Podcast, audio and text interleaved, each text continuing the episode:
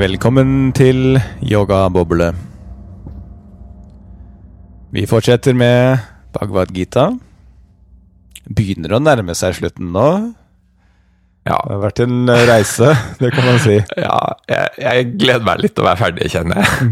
Men det er fint òg, jeg liker det. Men, det. men det føles litt som en sånn plikt nå. Nå er det litt sånn uh, Ja, å bare bli ferdig med det. Eh, men også en viktig plikt, da. Ja. For, for det er ikke sånn at det er sånn dagen før hvor jeg, at jeg liksom gleder meg. Å, vi, i morgen skal vi snakke om kapittel 15, det blir bra. Men, Mens, liksom før så var det sånn Å, vi skal snakke om pride, det blir, det blir spennende, liksom. Eller ja, Ja. Det, nå er det Men det føles godt å, å gå gjennom det. Jeg håper at eh, dere også eh, setter eh, pris på det. De som har kommet så langt. Jeg tror vi har mistet litt lyttere på veien nå, muligens. Ja. Heldigvis så um, gjør vi ikke dette for å Lise For å tilfredsstille dere. Nei, vi gjør ikke det. Nei, så um, kapittel 15. Det her er ganske Ganske abstrakt kapittel, og ganske kort kapittel. Um, så vidt jeg har uh, skjønt, så virker det som at Krishna nå begynner å snakke om hvordan Purusha og Prakriti eh, henger sammen. Så I de forrige kapitlene så handla det litt om hvordan de er ulike. Hvordan liksom selve bevisstheten er noe annet enn den materielle verden og energiene i verden. Mens nå er det litt sånn hvordan de henger sammen, er kanskje en måte å oppsummere kapittelet på. Ja, det er jo Purusha som da er ånden, det åndelige, og Prakriti som er materien, verden, alt det vi opplever med sansene. Så, så prøver den på en måte å binde det litt sammen, og jeg liker det egentlig kjempegodt, jeg. Eh, For meg eh, så gir det litt mening, og det, og det peker egentlig litt tilbake på en litt sånn prosess jeg er i selv akkurat nå. Så for meg så var det litt sånn Hæ, ja, dette, dette var nyttig. Nyttig eh, fordi eh, ja, De starter jo med å snakke om et tre. Et evigvarende fikentre. Ja, og så er det opp-ned, dette treet. Som ikke Og det nødvendigvis syns jeg var litt forvirrende, da. Ashwata heter i hvert fall treet, og så står det som har røttene i været og grenene ned. De vediske hymnene er dets blader. Den som forstår dette, forstår vedaene. Jeg tror det er noe med det at røttene peker oppover mot det uendelige, og så er liksom grenene ned på jorda. Så istedenfor at man tenker at det vokser fra jorda opp i det uendelige, så vokser det fra det uendelige og ned til jorda. At Jeg, tolker det litt som at, eh, at det er den at igjen det er den materielle verden som kommer fra den uendelige bevisstheten, da. Men eh, det er eh, kun en tolkning eh, Jeg For det ikke. står det er, Jeg syns det er litt forvirrende, for det står først, i første eh, sutra, så står det at eh, rødt, røttene i været og grenene ned. Og så i andre sutra så står det røttene strekker seg nedover. Og så ble jeg sånn Hæ? Røttene Men- strekker seg nedover, men det var jo røttene var jo i været. Men jeg, jeg tror dette her er et sånn slags tre Det leste jeg i hvert fall litt i det forordet til, i min versjon her, at eh, det er som et slags sånn banyan-tre. ehm, hvor, hvor på en måte man har en del sånne luftrøtter. At røttene vokser ned i bakken, men det er også røtter som går ut i været. Ok. At røttene går litt sånn i alle, alle retninger. Ja, ja, røtter i alle retninger. Ja. Så et opp-ned-tre med røtter i alle retninger. Um, Ok, ja, ja. Nei, det er et litt utydelig bilde for meg, men vi, vi, vi, vi, får bare prøve så godt vi kan. Uh, I hvert fall sånn jeg Hvis jeg skal fortelle litt om min sånn prosess, da, uh, som, jeg, som jeg knytter litt opp til dette bildet, er jo at jeg har de siste årene fra å være en, holdt på å si, vanlig fyr i gåsehøyne eh, Jeg jobbet som musiker og TV-klipper og lydtekniker. Og var opptatt av å på en måte gjøre det bra med jobben min, og gjøre det bra i forholdet mitt, og ha en fin leilighet. Det var liksom mine tre sånn hovedprosjekter. Men så plutselig så skjønte jeg sånn? Det er jo, det er jo noe mer. Eller, og det er liksom min, min indre reise som er jo selve grunnlaget for alt sammen. For jeg opplever jo alt gjennom mitt indre. Og så gikk jeg inn i meditasjon, og jeg gikk inn i yoga, og, og, det ble bare mer og mer og mer og mer av det. Og det ble lengre og lengre stille retreats, og jeg gjorde yogalærerutdanning. Eh, og på et eller annet tidspunkt så var det liksom egentlig bare det som var viktig. Jeg ga litt faen i, i verden, egentlig, for jeg var bare opptatt av, av liksom det hinsidige, da. Eh, jeg var bare opptatt av å på en eller annen måte oppdage eller forstå verden og noe som jeg kanskje tenkte var noe annet enn det som er her. Jeg tenkte liksom ok, jeg, jeg, må forstå det, det, som ikke er her. Så jeg var litt kanskje på jakt etter noe annet veldig lenge. Fordi jeg var ikke helt fornøyd med sånn jeg hadde det. Eh, men så nå er jeg på en måte sakte, men sikkert i ferd med å komme litt sånn tilbake igjen til verden og skjønne sånn Å ja, men det er jo denne kroppen her og denne Og alle de gjenstandene, alle de objektene, alle menneskene, alle relasjonene eh, Alt dette som er livet mitt, og det er jo det denne ånden, Purusha, skal oppleve. Purusha skal oppleve prakriti. Eh, og jeg er jo dypest sett Purusha, ånden, men prakriti, som er kroppen min, og som er leiligheten min, og som er deg akkurat nå, datamaskinen som tar opp, eh, tar opp eh, disse lydene som jeg lager. Og selv lydene er også prakriti. Så, man, så, så, så, på et eller annet tidspunkt så merket jeg at jeg, jeg, jeg sluttet å rydde og støvsuge og vaske leiligheten min. Fordi jeg bare følte at det var helt irrelevant. For jeg tenkte sånn Hvorfor skal jeg det, da? Det er jo på en måte, dette er jo bare noe materiell, en materiell illusjon. Hvorfor skal jeg forholde meg til noen hybelkaniner i kroken? Men så skjønte jeg liksom Jo, faen, det er jo viktig. Det er jo Det er jo livet selv, det. Er det å tørke støv og det å Å gjøre alle de tingene, og også, ja Begynne å tjene penger. Det var helt likegyldig med å tjene penger, for jeg hadde bare en sånn idé om at ja, med penger vil bare flyte inn på kontoen min så lenge jeg er tro til det evige. Men så er det sånn Nei, kanskje, kanskje ikke. Kanskje det ikke er sånn. Kanskje jeg må på en eller annen måte ta, ta i et tak og, og, finne en løsning på det. Så det er liksom mange Jeg var jeg også ganske lenge ikke så opptatt av dette med å ha noen relasjon. Liksom, var mer sånn Nei, jeg, kanskje jeg skal bli munk.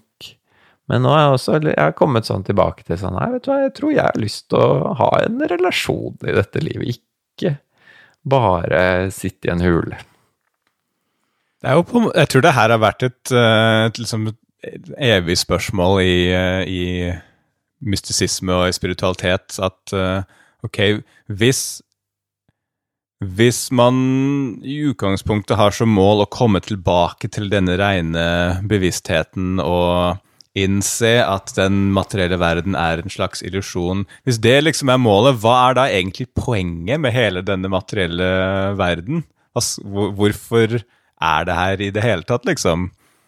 Og det er, jo, det er, jo, et slags spørsmål man stiller i alle religioner. ikke sant? Sånn som i kristendom. Hvorfor er vi ikke bare alle i himmelen? Hvorfor, hvorfor, hva er poenget med å være her på jorda og lide? Hvorfor, uh, Hva skal man med det? Men uh, men, man, men, men, og det er jo ikke noe svar på det annet enn at ja, men kanskje det bare er et poeng med det. Kanskje, sånn som i yoga, kanskje vår bevissthet skal oppleve verden. Kanskje det er en bra ting at uh, bevisstheten vår får oppleve den materielle verden. At ikke det er noe man skal ønske seg vekk fra, da. Mm. Eller, eller så er det kanskje forskjell på folk. Kanskje noens bevisstheter er klare for å forlate denne verden, mens andre har mer å oppleve. Og Hvis man tenker i, ja, fra et bibelsk perspektiv også, sånn ok, kanskje noen er eh, klare for himmelen, kanskje noen har mer de skal lære her på jorda. Mm. Og hvorfor, det er det jo ingen som veit, men uh, man kan jo ha en slags uh, tillit, eller eventuelt en uh, hengivenhet til at det bare er sånn det skal være. da. og så er det litt da tilbake til dette treet, da, som, som det står i Bhagavad Gita, er sånn at treets grener som strekker seg oppover mot himmelen, men det er også, har også røttene nede i jorda. Og at det symbolet med på en måte eh, Med å være knyttet til jorda samtidig som det å strekke seg opp mot himmelen. Så blir jo Arjuna oppfordret til å hogge ned dette treet, da. Som jeg syns var en veldig sånn brutal setning som plutselig kommer.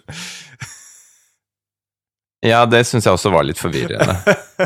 Men tre er, et sånt tre er jo et symbol også fra mange tradisjoner. Du har jo sånn livets Yggdrasil, livets tre i, Ja, ja. i norrøn mytologi, og du har det i mange forskjellige mytologier, så er dette livets tre noe Så det er jo ikke en unik ting her. Den er litt annerledes, kanskje. I hvert fall i den forstand at den skal hogges ned, da. Ja. ja er det Ja, fordi Arjunas blir eh, oppfordret til å hogge ned dette treet med øks. Ja, Axe of detachment, står det her. Altså Men uh, Så det, kanskje det treet symboliserer også en slags at man En slags hindring mot denne frigjøringen, da. Ja, for det er jo det som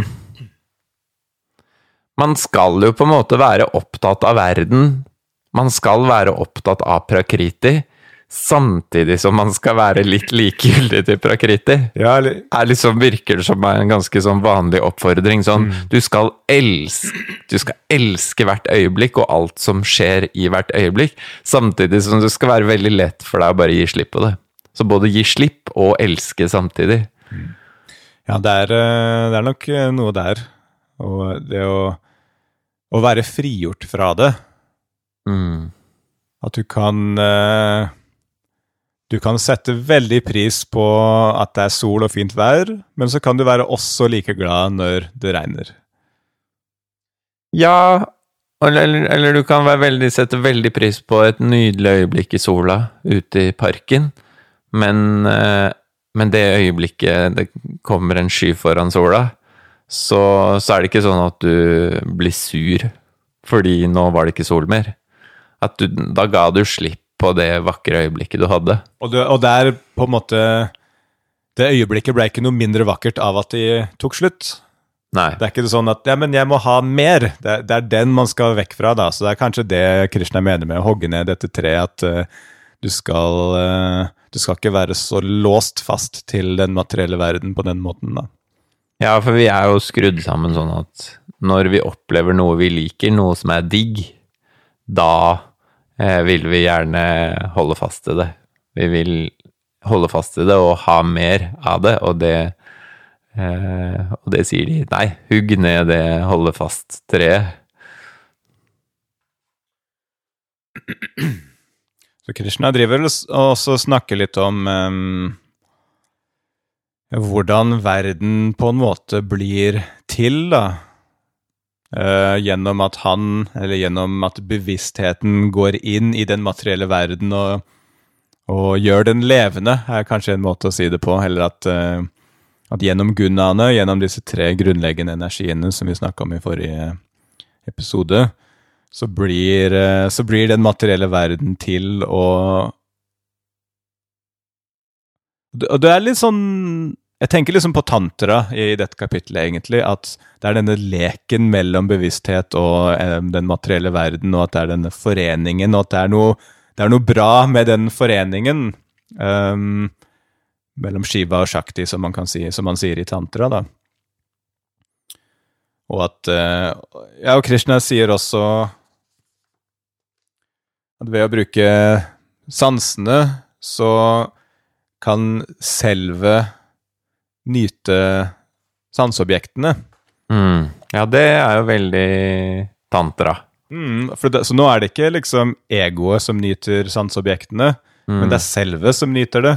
Og ofte så kan man tenke på ja, men selve er jo helt frakoblet fra sansene. Men her sier Krishna at nei, selve driver og opplever og nyter og tar del i den materielle verden på sin måte, på, ja, på en eller annen måte. Men eh, det kan jo også tenkes at grunnen til at dette virker noen ganger litt sånn tvetydig, er at det rett og slett ikke har vært noe enighet.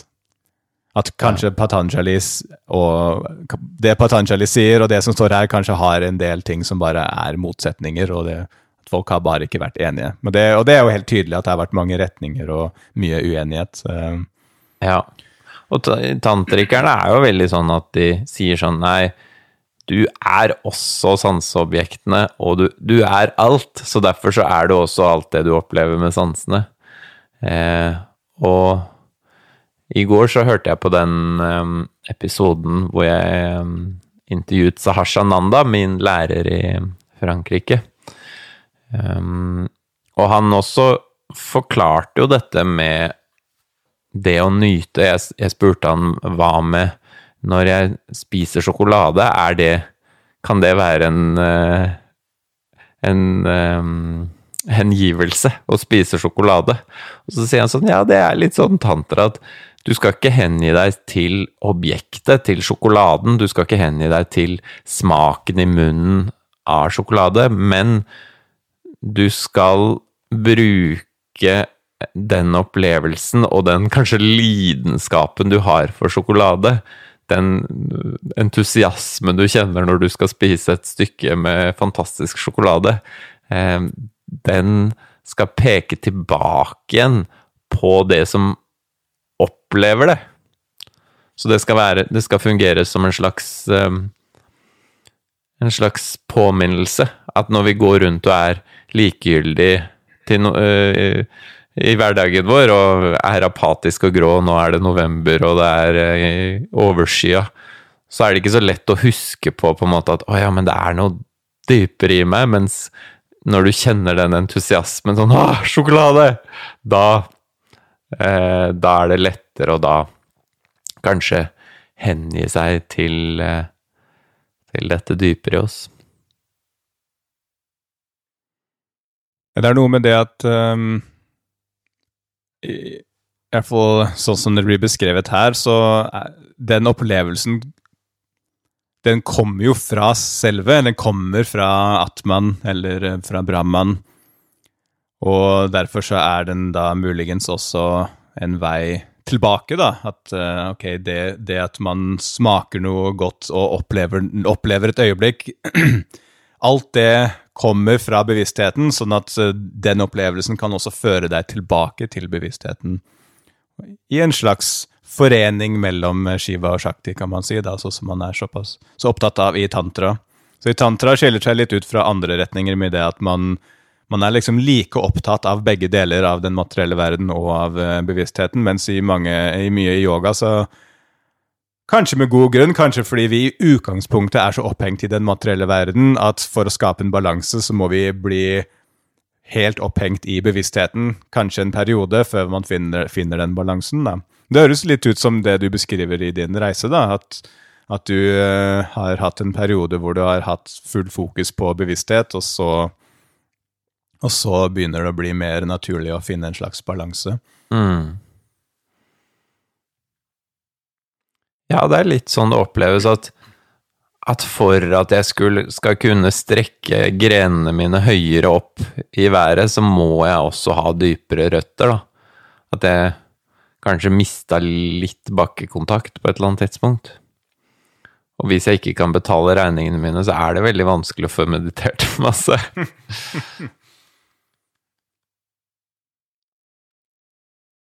Det er litt uh, interessant å tenke på, um, på Spesielt dette med, med tantra, hvor man går veldig inn i, inn i, inn i disse tingene. Hvor, eller jeg har tenkt liksom på hvordan det starta. For det starta jo litt, ut fra min forståelse, så starta det jo litt med at folk begynte å gjøre de tingene som var litt tabu. De tingene som eh, i ortodoks yoga eller hinduisme var ting man skulle holde seg unna fordi fordi de har en tendens til å knytte det altfor mye til, eh, til den materielle verden, altså for eksempel sex, da. At Å spise spise kjøtt og ting, ting som på en måte Spise kjøtt og også spise lik og sånne ting. ja, ja, det tror jeg var kanskje en annen greie, hvor man bare prøver å gjøre ting som er drøyt, da. Ja, men det er tabu, da. Ja, ting som er tabu, men ting som i utgangspunktet ikke, ikke er anbefalt. Spesielt sex, da, fordi det, er veldig, det kan være veldig vanskelig å leve et yogisk liv hvis du driver og har sex, fordi det bare knytter deg veldig til den materielle verden, og, og det skaper en lyst, det skaper en, et begjær, en trang i deg til å, som, som går veldig på egoet. Men jeg tror i tantra så har man tenkt at ja, ok, men det er noe annet der også. Sex er jo ikke bare en ren kroppslig nytelse. Det er noe, det er noe liksom litt større der som, um, som, det går an å utforske hvis man kan gjøre det på en på riktig måte. At det går an Det er en slags tilstedeværelse der. Det er en, det er en annen type tilstedeværelse og bevissthet. Og det er uh, Ja, og det, jo, det, kan jo være en, en, kjærlighet der, en slags uh, En følelse av uh, nesten en Man kan gjøre det til en slags guddommelig kjærlighet. altså, det er mye potensial å hente hvis man, hvis man tør, kan man si, da. At. Ja, det er, det er, jo I det og sex så er det både det der du snakker om med kjærlighet, og det er det at det er så på en måte intenst at det er veldig lett å, å ikke tenke på hva man skal ha til middag i morgen.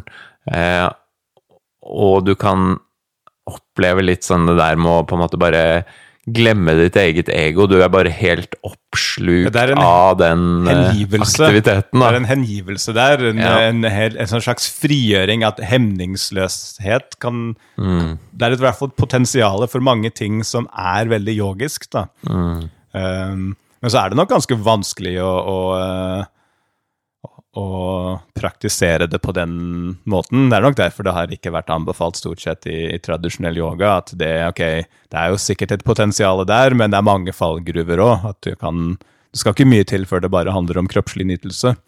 Ja. Men, ja, men, i tantra så handler det litt om å ta litt sjanser og utforske ting som uh, Hvor det er et, et, et potensial for uh, noe dypere. Jeg har også hørt at i noen av de tantratradisjonene som som var mer sånn knyttet opp til litt sånn munkeorden og sånne ting, så var det kun de mest avanserte munkene og nonnene som fikk lov til å begi seg ut på det med sex. For hvis du var liksom litt Hvis du var litt uh, udisiplinert eller et eller annet sånt, da var det sånn nei, nei, sex er ikke for deg. Nei, jeg tror, jeg tror nok altså hvis, hvis, målet ditt virkelig er spiritualitet, så skal mm. du nok være ganske forsiktig. Og jeg tror en måte å Altså Hvis du tenker at uh, ok, ja, sex, der kan jeg finne mye spiritualitet. Uh, men hvis tanken på f.eks. å leve i sølibat bare er sånn Nei, nei, aldri! Det kunne jeg aldri gjort. Da kan det hende at du, at du, er, at du er litt attachment der. da, Men hvis ja. du tenker at ja, sølibat, ja, det kan godt hende at det hadde funka nesten like bra. Kanskje jeg skal prøve det. At ja. det er nesten like fristende. Da vet du at du har liksom intensjonen på rett sted. da. Mm. Um, men det er nok ikke lett. Det, jeg tror nok det krever lang uh, lang praksis og disiplin før man egentlig kan praktisere de mest drøye tantra-tingene mm. på en god måte.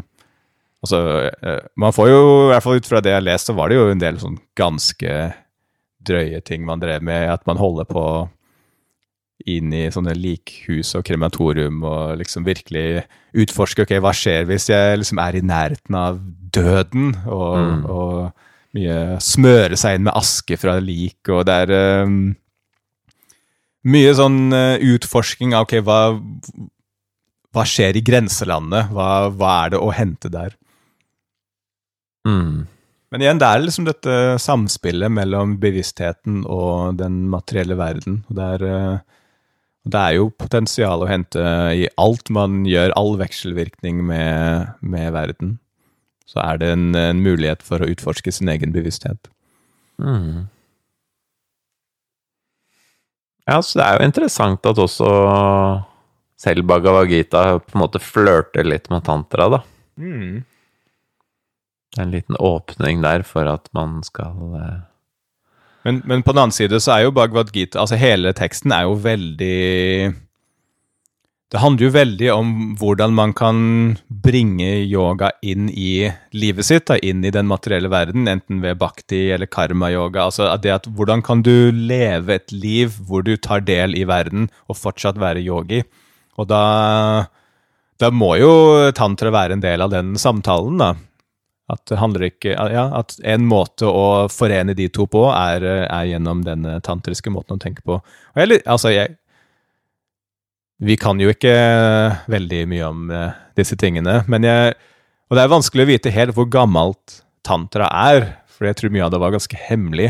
Men, men jeg tror kanskje tantra eksisterte på den tida her.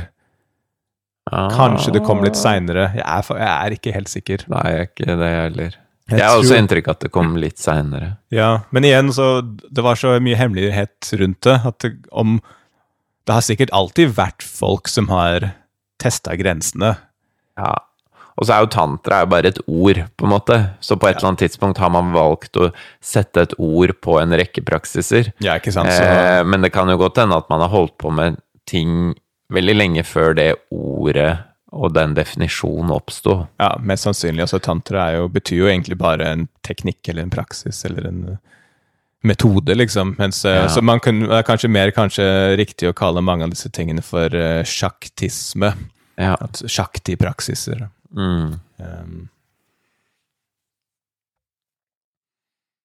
Nei, vi får uh, altså snakke med noen av våre tantra-eksperter uh, igjen. ja. Jo, jo mer vi lærer, jo mer, eh, jo mer interessante spørsmål kan vi stille. ja, ikke sant. Det er jo ikke så lenge siden jeg følte at jeg kunne egentlig ingenting om tantra. Det be begynner å Begynner å i hvert fall forstå det på en måte som gir litt mening for meg, i hvert fall. Mm. Uh, om det er riktig eller feil. Altså Alle disse tingene handler jo veldig mye om tolkning uansett. altså Det er ikke så veldig mye fasitsvar. Mhm. Men jeg har jo inntrykk av at tantra var jo da et, eh, en, en form for spiritualitet som var for householders, da, folk som, som eh, ikke var eh, munker eller ikke satt i en hule. Eh, at folk som har lyst til å leve et mer normalt liv. Og på en måte så er liksom tantra og karma-yoga ganske sånn kan fint gå hånd i hånd, fordi yeah. da kan du liksom På fritiden kan du drive med tantra, og på, og på jobben kan du drive med karma. Yeah. Liksom. Jeg, jeg, vet, jeg har et litt annet inntrykk av tantra med tanke på det å ha barn. Yeah. Fordi veldig mye av tantra handler om å ikke lage barn, da. ja. Uh, altså, jeg har, jeg har en følelse av at liksom hele hatha-yoga starta som et sett med teknikker for å ikke komme når du har sex. At det er liksom utgangspunktet for hatha-yoga. Altså Udiane Banda og alle disse låsningene og disse tingene man gjorde helt i, helt i tidlig hatha-yoga. Det handler jo om å, om å ikke få orgasme og kunne ha sex uten orgasme. Uten, Eh, fordi- uten fordi ejakulasjon. Uten, ja, ja, uten å uh, du kan ha orgasme, men ikke ja. Men uh, fordi de, de innså at ok, det er kanskje nøkkelen da, til å oppnå dette potensialet som er i sex, det spirituelle potensialet. At den uh, ejakuleringen, det er der det blir litt ødelagt. da. At hvis du kan, hvis du kan liksom hindre den, så kan du beholde det spirituelle i, uh, i sex uten at du blir knyttet til det kroppslige. Jeg tror det er i hvert fall mange som har oppdaget det. uh, og da begynt å lage teknikker for å, for å gjøre det rent praktisk. Og det, jeg, jeg har en følelse av at hatayoga kom litt derfra. Jeg lurer litt på akkurat det der, for jeg har også hørt det sånn i tantra. Man er veldig opptatt av sånn Nei, nei, du må, må ikke ejakulere. Må ikke finne på å ejakulere hvis du er spirituell. Men det er bare vel sånn hvorfor, hvorfor er det så forbanna viktig? Fordi personlig, så uten å liksom snakke altfor intimt om sexlivet men, men jeg kjenner jo at jeg de gangene jeg ejakulerer, så blir jeg eh, Det er jo et energitap. eh, At jeg får mindre energi etterpå. Det er jo vanlig at eh, kanskje spesielt menn, men også kvinner, blir, sånn, blir litt sånn døsige etterpå. Men det er jo ikke noe sånn at jeg begynner å gi faen i Krishna. Eller Så jeg klarer ikke helt å sånn erfaringsmessig se helt linken med hvorfor det skal være så forbanna farlig å komme noen ganger. Jeg tror det bare er en fallgruve. Så det er ikke nødvendigvis eh, at, at det er ødeleggende for alle. Men for mange så er jo sex og onani en skal veldig lite til før det blir en skikkelig avhengighet. da. Ja, men de sier, Og så sier de også at det er sånn ojas, eller at det er sånn livsenergi, og, og i hver dråpe sæd så er det litt livsenergi, og når den er tom, bang, da dør du. Men dette tror jeg bare er modeller for å prøve å forstå opplevelsen. Så jeg, tr jeg tror det starta med opplevelsen, at man opplevde ok, hvis jeg har sex, så skaper det lyst og tilknytning. Men hvis Mm. jeg gjør det uten å komme, da er det annerledes. Ja. Ok, kanskje det er den sæden som er magisk. Kanskje det er den som er Ja, for det har jeg merket at jeg før jeg har sex, så har jeg veldig mye lyst til å tilknytning. Mens et, etterpå så kan jeg noen ganger nesten kjenne meg litt sånn kald.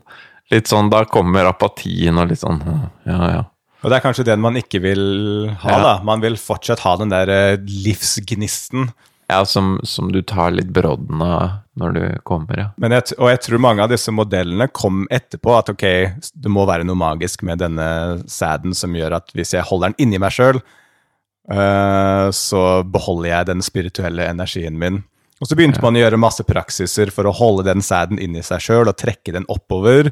Og så begynte man å endre litt på modellene, og så kaller man det kundalini istedenfor Men jeg, tror, jeg, tror det, jeg tror alltid yoga starter med erfaring og opplevelse, og så lager man modeller for å prøve å forstå det etterpå. ja. Det er ikke sæden som skal trekkes oppover, det er energien. Ja, men i de tidligste tekstene så er det ganske sånn bokstavelig. Altså Vaj- Vajroli mudra i hatha yoga, det er hvis du har sex, så skal du suge spermen inn igjen etterpå for å ikke miste den. Det er den opprinnelige Vajroli mudra. En direkte seksuell praksis. Ja. Og, øh, men etter hvert så blei de mer internaliserte, disse praksisene. At ok, kanskje det, ikke, kanskje det handler mer om en energi som skal oppover i kroppen. Fordi man merka at de praksisene hadde jo en veldig god effekt, men man skjønner ikke helt hvorfor. Men ok, da begynte man å snakke om chakraer og kundalini. Ja, for det er det jeg også inntrykk at det handler mer om energi enn om bokstavelig talt Men ikke, ikke til å begynne med. Til å begynne Nei. med så var det ok, hvordan kan vi ha sex uten å miste sæden vår? Ja, ikke sant. Rent bokstavelig. Men jeg vet ikke om jeg helt klarer å tro på at det går an å liksom Hvis du har fått litt sæd ut av tissen, og så bare suge den opp igjen Jo, men med Udiane Banda så går det. Ja. Ikke at jeg har prøvd, det skal sies. Men det er jo, jeg har i hvert fall hørt om folk, altså sånne gate-entertainers i India, som klarer å um, bruke Udiane Banda for å suge um, eh, Sprit ut ja, altså sprit inn i blæra, og så pisse ild eh, etterpå. Ja, ikke sant. Ja. Så det går an, tror jeg. Og det er jo det er ikke ulogisk, for når du gjør Udiane Banda, så skaper du et undertrykk som gjør at organene utvider seg litt, og da vil jo blæra også utvide seg, og da vil den kunne trekke til seg væske. Ok, så du kan faktisk suge su Bruke tissen som et sugerør og suge det opp? Altså Hvis du leser Hatha Yoga Pradipika, så står det rent bokstavelig at dette er noe som, eh, som, som bør gjøres hvis du har sex og kommer. Ja. Men i, i de seinere tekstene så, har man, så går man litt bort ifra det. Så er det sånn, kanskje, kanskje vi var litt uh, Kanskje ikke det var så essensielt allikevel, men uh, Mm. Men det, det kom, jeg tror det kommer fra denne opplevelsen at, at denne eh, ejakuleringen ødelegger det spirituelle litt i sex, da. Ja, og jeg vet at også i taoismen, eller daoismen som det kanskje egentlig heter, eh, så er de også veldig opptatt av at nei, nei, du må ikke, må ikke finne på å komme altfor ofte, i hvert fall. At det kommer en gang iblant, men ikke altfor ofte, for da, da dør du mye fortere. Og jeg tror de aller fleste kan oppleve at ok, la oss si at du er vant til å komme hver, en gang om dagen. Hvis du endrer det til annenhver dag, eller hver tredje dag, så tror jeg man vil merke en positiv endring i livet. Ja, tror mange, altså det, det finnes jo mange som, som litt- opplever det. men jeg tror det handler litt om alder. Jeg tror det, Er du 17, da kan du sikkert komme sjukt mye, mens er du 40 så, eller 60, så tror jeg Det er i hvert fall det jeg leste i en sånn daoismebok. daoisme-bok. Ja. Så det handler litt om hvor gammel du er, hvor ofte du skal ejakulere. Eller bør ejakulere. Jeg så ikke for meg at vi skulle snakke så mye om sex. Nei, nei, nei, nei, det ble, dette, dette tok en helt Krishna nevner ikke sex et, med ett ord i dette kapitlet. Nei, nei, men det var vi kom inn på tantra, da, og Ja. det ene ledet til det andre, Ja. så plutselig så var vi her! uh, men én ting som Krishna sier helt til slutt, for nå det er et ganske kort kapittel, men han snakker litt om at at, eh, at han har en høyere um, tilstand enn Brahman, enn denne kollektive bevisstheten. At han har også en enda høyere type bevissthet som vi ikke deler, får jeg inntrykk av. Og det er da denne tilstanden som, som Gud eller Ishvara at, eh, At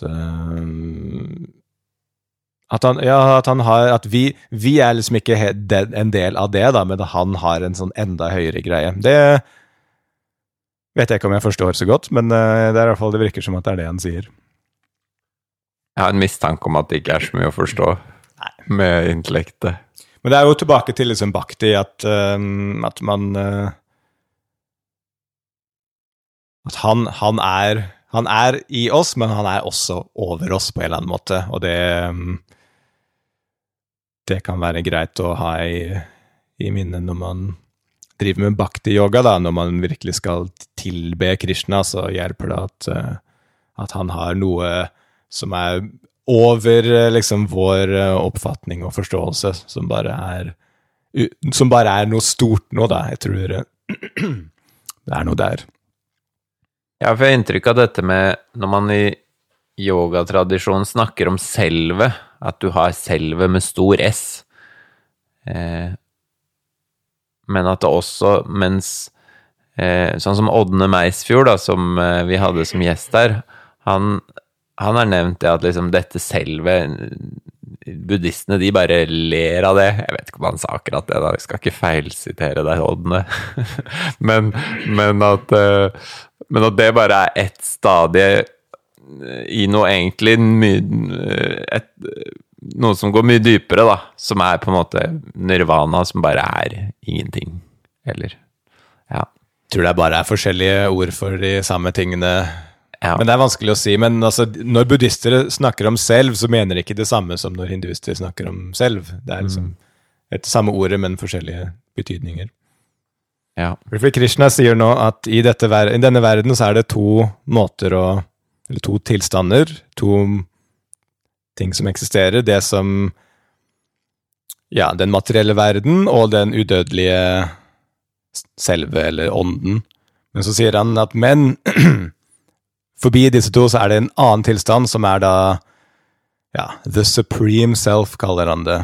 Som, som på en måte bare er han, da. Så jeg vet ikke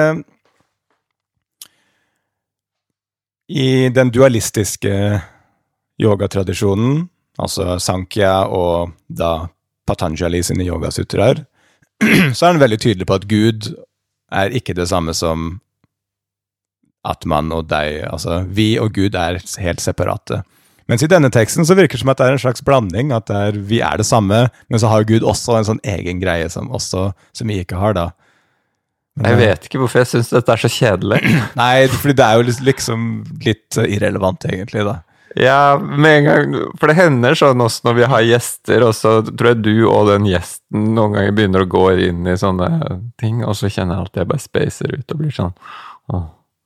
At det er liksom sånn det å snakke om hva Gud er, på forskjellige måter, blir sånn for meg sånn Jeg vet ikke. Ja, men jeg også For min del så er det liksom interessant å prøve å lære om hva forskjellige folk har ment, sånn det er bare rent historisk. Ja, ja. Jeg, jeg, jeg kritiserer ikke deg Nei. og sier at du Men sånn, Det er sånn, feil. sånn jeg for, bare min, for min ja. egen del så er det ganske irrelevant. Disse, altså, det, som, det som kanskje er mest relevant, er det jeg nevnte i stad. Ok, på en liksom pragmatisk vis at hvis du skal praktisere bhakti-yoga, så kanskje det hjelper rent praktisk å tenke på Gud som noe over deg sjøl, da. Mm. At, uh, men det er ikke sikkert altså, Eller åpenbart så har det vært ganske viktig for stort sett alle kulturer. Alle, nesten alle som praktiserer bhakti-yoga i andre religioner, i islam og kristendom og sånt, så setter man Gud veldig mye høyere enn seg sjøl, ikke sant? Så det gjør det kanskje litt lettere å hengi seg til den guden. Mens hvis Gud er veldig nær, så kan det hende at uh, man ikke oppnår den samme tilstanden av hengivelse. Så det er jo rent sånn pragmatisk syn på hvorfor Krishna Ja. setter seg sjøl i det lyset, da. At det kan rett og slett være et verktøy. Ja, jeg tenker litt det om, om Gud. At Gud, det høres jo fælt ut, men at Gud bare er et verktøy. Eh, fordi Gud er jo et konsept. Eh, og, som på en eller annen måte gir en slags idé, eller en slags formening eller en følelse om noe som er større enn deg selv. Men på et eller annet tidspunkt så må du bare gi slipp på det konseptet også. Eh, men, men men frem til et visst punkt så er det nyttig å, å, å kunne forholde seg til noe du kaller for Gud. Og jeg leste nylig den boka til Vigdis Garbarek, Vigdis Garbarek som vi har intervjuet tidligere, um, om at hun oppdaget da, når hun på en måte gikk gjennom sin prosess, at Gud bare forsvant, og så ja. Eh, og så skjønte hun at det var bare henne selv, eller noe dypere i seg selv, da. Men så snakker hun også om det at alle disse tingene er liksom sanne samtidig, men bare på, på ulike plan. da. Ja. At en, en, måte å se verden på kan være sann, men på et annet plan så er den ikke sann. Men det, men, men det betyr ikke nødvendigvis at den ene er mer riktig enn den andre. Det kommer bare an på hva slags perspektiv eller hva slags plan eller hva slags lag man ser gjennom. da. Ja. Så det er fint å, fint å forholde seg til Gud, men på et eller annet tidspunkt så kanskje så finner du noe som er enda sannere. Mm. Altså alltid yoga er uh, Kan ses på som verktøy, egentlig. Ja. Uh, og ikke nødvendigvis absolutte sannheter. Det handler jo ikke så veldig mye om å godta en eller annen påstand eller å tro på noe heller, men det handler om å bare gjøre det som funker, egentlig. Bruke de verktøyene ja. som, som, er tilgjengelige, og det, det som man kjenner uh, gir en effekt, og som bringer deg videre til i den retningen som man på en eller annen måte vet er den riktige retningen. Ja, det syns jeg gir veldig mening. At all, alle ord, alt vi snakker om, alle bøker, alle yogapraksiser, er bare ting vi gjør for å komme enda nærmere det som egentlig er sant. Mm. Det er den der fingeren som peker på månen, at, at, uh, at, det er jo ikke fingeren som er viktig, det er jo månen, men uh, vi trenger å ha noen fingre som peker. Så lenge man ikke henger seg helt opp i at nei, men det er ikke sånn Gud er, Gud er sånn og sånn. Det å begynne å ha sånne krangler, det tror jeg liksom fører litt i feil retning, da. Ja, men jeg kan jo på en måte tenke, tenke at det er relevant for noen. Mm. At for noen så er det til hjelp å diskutere sånn Nei, men Brahman og Shiva og Krishna er ikke det samme.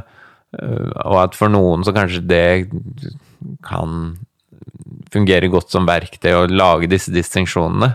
Men jeg kjenner for meg så er det bare sånn føles det helt uh, irrelevant. For, for, for, meg så har det en uh, Det å ha et litt sånn akademisk blikk på yoga har en Det har liksom en god funksjon for min del. At, at det kan liksom skape mer fascinasjon. da. Mm, at en større mm. del av sinnet mitt kan være opptatt av det. Ja, ja. Um, det, det, er fint så lenge det ikke det går altfor mye i den eh, retningen, da. Mm. Men uh, jeg, jeg, merker at det, ja, bare det å gjøre denne podkasten gjør at jeg kan liksom Ja, mer av meg kan fylles med yoga.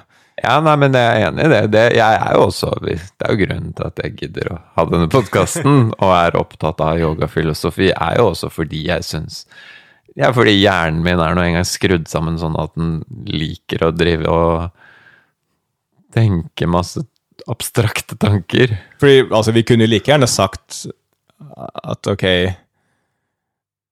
Dropp denne podkasten, bare sett deg ned og lytt innover, og så finner du ut av det. Det hadde kanskje vært bedre anvendt tid. men, men, man må jo bli motivert til det, da. Ja. Jeg, jeg, tror eh, For noen så funker det, mens for andre så må man eh, Man må liksom bli fylt med det på annet vis først. Ja, for at man skal gidde å sette seg ned og meditere, ja. Ja, eller at Ja, ja for at man skal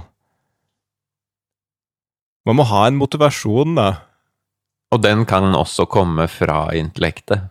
Ja, og det, altså, motivasjonen kan komme innenfra, men det er ikke sikkert den gjør det før man har liksom fått med seg intellektet. For ellers så kan det fort bare bli at okay, noen sier at jeg bør meditere, men jeg, vet, jeg skjønner ikke hvorfor. Så da gjør du det bare fordi noen sa at du burde gjøre det. Og det er mm. ikke sikkert det holder. Ja, ja.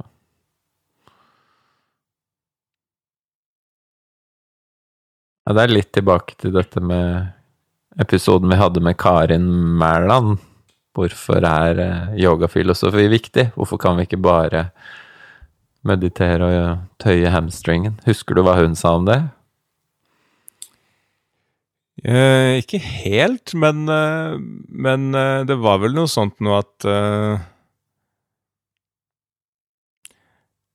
Den forståelsen endrer praksisen. Mm. At hvis du Jo mer du lærer om disse tingene, jo mer kan du rette liksom, intensjonen i praksisen Mm. mot det, og det endrer praksisen, og da endrer det sinnet, da. Mm. Ikke sikker det kan hende at jeg sa det, og ikke hun. Jeg vet ikke. Nei, nei, Det er typisk at man har en samtale, så husker man bare det man sjøl sa. ikke sant? Jo, men det var jo det man selv sa, er jo det man selv innså i øyeblikket. Så det er Men at, så- eh, så at i hvert fall for mange så tror jeg det å forstå filosofien kan tilføre veldig mange lag i praksisen. eh, Og, så kan man jo si at ok, praksisen funker uansett hva man skjønner eller ikke, men jeg er ikke helt sikker på om Hvis du har en veldig god instruktør, så tror jeg kanskje praksisen holder. Men det skal, skal ikke mye til før man misforstår litt hva, hva man driver med, og gjør det på en litt feil måte med litt feil intensjon, og så har det ikke den samme effekten. Ja, det er fort å gå seg vill, ja. Men hvis du har en instruktør som vet hvordan du skal gjøre det på riktig måte med rett intensjon, og rett, altså at det peker i riktig retning, så er det ikke sikkert man trenger å forstå så veldig mye av historien og filosofien. Men Ja, det kan hende. jeg prøver jo å undervise på den måten at, kunne, at det skal kunne gå i denne retningen uten at man nødvendigvis trenger å lese masse filosofi, da. Men, eh, Hvordan underviser du på den måten? Nei, det er mange ting som vi ikke trenger å gå inn på nå. Men det er mange, rett og slett pedagogiske knep Ja. for å for eksempel prøve å dempe behovet for å prestere for liksom ytre prestasjon. At man kan heller bruke rette fokuset innover, da. Så det er mye man kan gjøre for å oppfordre til å fokusere innover framfor å ha et ytre fokus. Ja, ikke sant. Ja, ja. Nei, men skal vi komme oss tilbake til Bhagavad Gita før vi avslutter, kanskje? Ja, Er det noe oppsummeringsvis vi skal si om dette kapittel 15?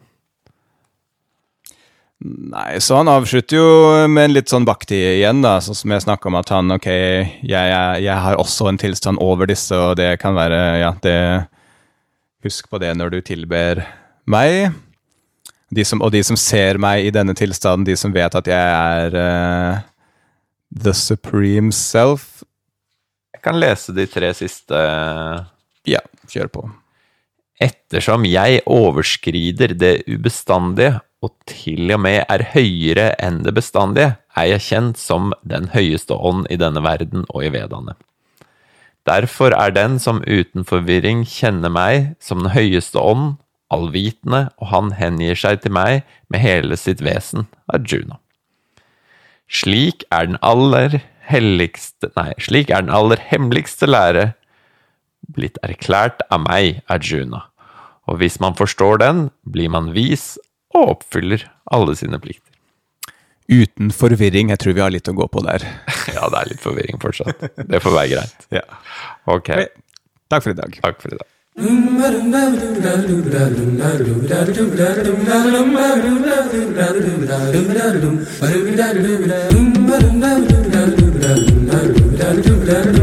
Ba-do-da-do-da.